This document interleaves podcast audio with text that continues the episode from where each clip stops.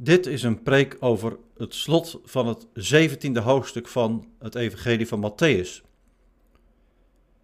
Opmerkelijk stukje over de vraag of Jezus tempelbelasting betaalt. De preek staat in een serie preek over het Evangelie van Matthäus. Ik lees eerst de tekst, dan volgt de preek. Toen ze in Cafarnaum waren aangekomen, dat is Jezus en zijn discipelen, kwamen de inners van de tempelbelasting bij Petrus en vroegen: Draagt uw meester de dubbeldrachme niet af? Hij antwoordde: Zeker wel. Toen hij thuis kwam, was Jezus hem voor met de vraag: Wat denk je, Simon?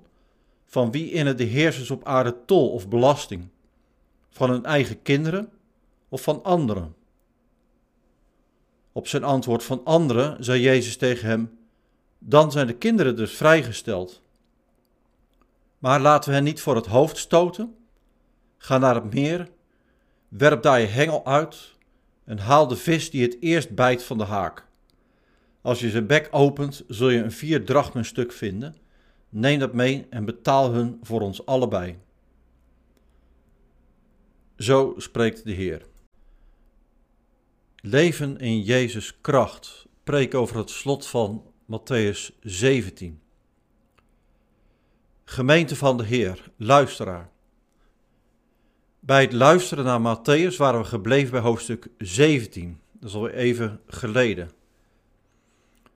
Jezus verandert van aanblik, staat daar. Hij straalt als de zon tijdens de zogenaamde verheerlijking op de berg. Maar als Jezus van de berg afdaalt, blijkt dat er buiten hem niks veranderd is. Jezus wordt opnieuw met ziekte geconfronteerd. Er is klein geloof bij zijn leerlingen. De Heer wijst op de kracht van geloof. En hij spreekt over zijn sterven en opstanding. En dan komt dat korte, merkwaardige stukje over het betalen van tempelbelasting. Wat moet je ermee? En wij krijgen vandaag te maken met een tweede coronagolf en bijbehorende beperkingen. Dat is opnieuw ingrijpend. En gelukkig mogen kerkdiensten natuurlijk binnen de gestelde regels doorgaan. Maar moet het daar dan gaan in die kerkdiensten over wel of geen tempelbelasting betalen. Het lijkt gedoe in de marge. En vergelijk de tempelbelasting met onze bijdrage in de kerk, de vaste vrijwillige bijdrage. Zoals de kerk allerlei kosten maakt, zo kost een tempeldienst nu eenmaal geld. En toen was het zo dat iedere Israëliet vanaf 20 jaar en ouder daarvoor jaarlijks werd aangeslagen. Staat in Exodus 30. Het gaat om een bedrag van twee daglonen. Wat is nou het evangelie van dit stukje? Om te beginnen het volgende. Het gaat om iets anders dan tempelbelasting. Dat wil zeggen, dat onderwerp is slechts een aanleiding om de geloofwaardigheid van Jezus onderuit te halen. Niet Jezus, maar Petrus wordt bevraagd op het geefgedrag van zijn Heer. Blijkbaar is het de bedoeling om bij Petrus, die de eerste beleider was, Matthäus 16, om bij hem onzekerheid te laten ontstaan over Jezus. Misschien komt er wel een fitty tussen Petrus en Jezus. Deze onschuldig ogende vraag is een gemene streek richting de volgeling Petrus en Jezus. Jezus kreeg tijdens zijn leven op aarde regelmatig met dit soort proeven beproevingen te maken. Er is een strikvraag die een klein beetje lijkt op deze vraag, namelijk of je wel of geen belasting mag betalen aan de keizer. Die staat in Matthäus 22. Vervolgens hoe het verder gaat. Blijkbaar heeft de vraag effect en is er bij Petrus inderdaad onzekerheid ontstaan. Jezus heeft dat in de gaten. Hij stelt Petrus een vraag. Petrus, wie betalen er belasting? Simon, zegt Jezus trouwens. Kinderen van heersers of anderen? Met die vraag spreekt Jezus over zichzelf. Hij is Gods zoon. Matthäus 3 bij de doop van Jezus. En net nog had Petrus dat gehoord op de berg. Dit is mijn geliefde zoon, luister naar hem. Matthäus 17 vers 5. Jezus, Gods zoon, is eindeloos meer dan priesters. priesters die zelf geen tempelbelasting hoefden te betalen. Jezus is meer dan de tempel. Matthäus 12 zegt de Heer dat. In deze vraag van de Heer zie je wat er hier aan de hand is. Het gaat niet over belastinggeld. Het gaat over Jezus' identiteit. Bij de vraag van de belastinginner is hetzelfde aan de hand als bij de discussies, de eerdere discussie over bijvoorbeeld de Sabbat en het wel of niet wassen van de handen, Matthäus 15. Steeds gaat het om die ene vraag: wie is Jezus? Moet Jezus belasting betalen? Moet hij tempelbelasting betalen? Zou Jezus kerkelijke bijdrage moeten betalen mocht hij lid zijn geweest van een, een of andere kerk hier in Nederland? Gekker moet het niet worden. Heel ons leven moet hem toegewijd zijn. Dat is de orde die Jezus aanwijst. Toch, en dat is opvallend, toch beroept Jezus zich niet op zijn identiteit, ik ben Gods zoon, om van de tempelbelasting af te komen. Hij geeft aan Petrus de opdracht om een vis te vangen. En die vis die heeft het tempelgeld voor Jezus en Petrus in zijn bek. Is dit humoristisch bedoeld of meent Jezus dit? Hoe dat afloopt, we weten dat niet. Blijkbaar is dat niet belangrijk.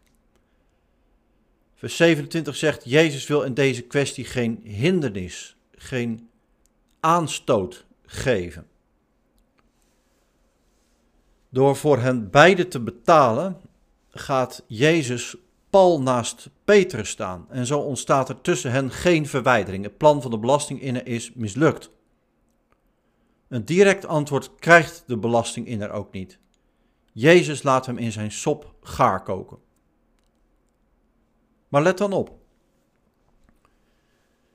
Onze indeling van de Bijbel is keurig geordend enzovoort, maar dat was in het Evangelie niet zo. Gelijk volgt het stukje over de vraag waar het om gaat in Gods koninkrijk. Matthäus 18, vers 1 en verder. Jezus zegt: een mens moet zich bekeren, je moet je veranderen om Gods koninkrijk binnen te gaan. En Jezus waarschuwt in dat stukje ook voor de strikken en voor de hindernissen onderweg. En Jezus zet degene die zulke strikken zetten, denk aan die belastinginner, onder zijn kritiek. Jezus laat zich niet ringeloren, hij is Heer. Heer over de belastinginner en zijn gemene strikvraag, Heer over de onzeker gemaakte Petrus. Jezus wil geen aanstoot geven als het om tempelbelasting gaat. Want Jezus houdt het doel voor ogen. Jezus is niet gekomen om belasting, tempelbelasting of kerkelijke bijdrage te betalen. Hij wil en zal zijn leven geven als losprijs voor velen. Matthäus 20, vers 28. Hij is onze bevrijder. Hij houdt de structuur zoals die bekend was niet in stand. Er komt een nieuw tempelgebouw, gebaseerd op de beleidenis van zijn naam. Lees Matthäus 16, vers 18. Gemeente, kijk naar je Heer. Wij leven in een onzekere tijd. Niemand weet hoe de toekomst eruit ziet. Het zorgt soms voor onrust en onzekerheid. Soms zelfs voor boosheid, opstandigheid. Waar slaat het allemaal op? Ik doe niet meer mee, hoor je soms. En dan lezen we vandaag deze bijzondere versen uit Matthäus. Er staat dat Gods Zoon ervoor heeft gekozen mens onder de mensen te zijn. Om bij ons te zijn. En maakt voor zichzelf geen uitzonderingen, lastige situaties, hindernissen, onzekerheid het is zijn dagelijkse kost. En daarin is Jezus Heer. Dat wil zeggen, Hij draagt je en gaat je voor. Steeds weer laat Jezus zien dat het gaat om het geloof in Hem. En natuurlijk, dat ontslaat jou en mij niet van de plicht om verantwoordelijk te leven, op jezelf te letten, op anderen. Het punt is, leef in Jezus kracht. Hij vergeet jou niet. blijf jij dan Hem eren en volgen. En heb zo de ander lief. Amen.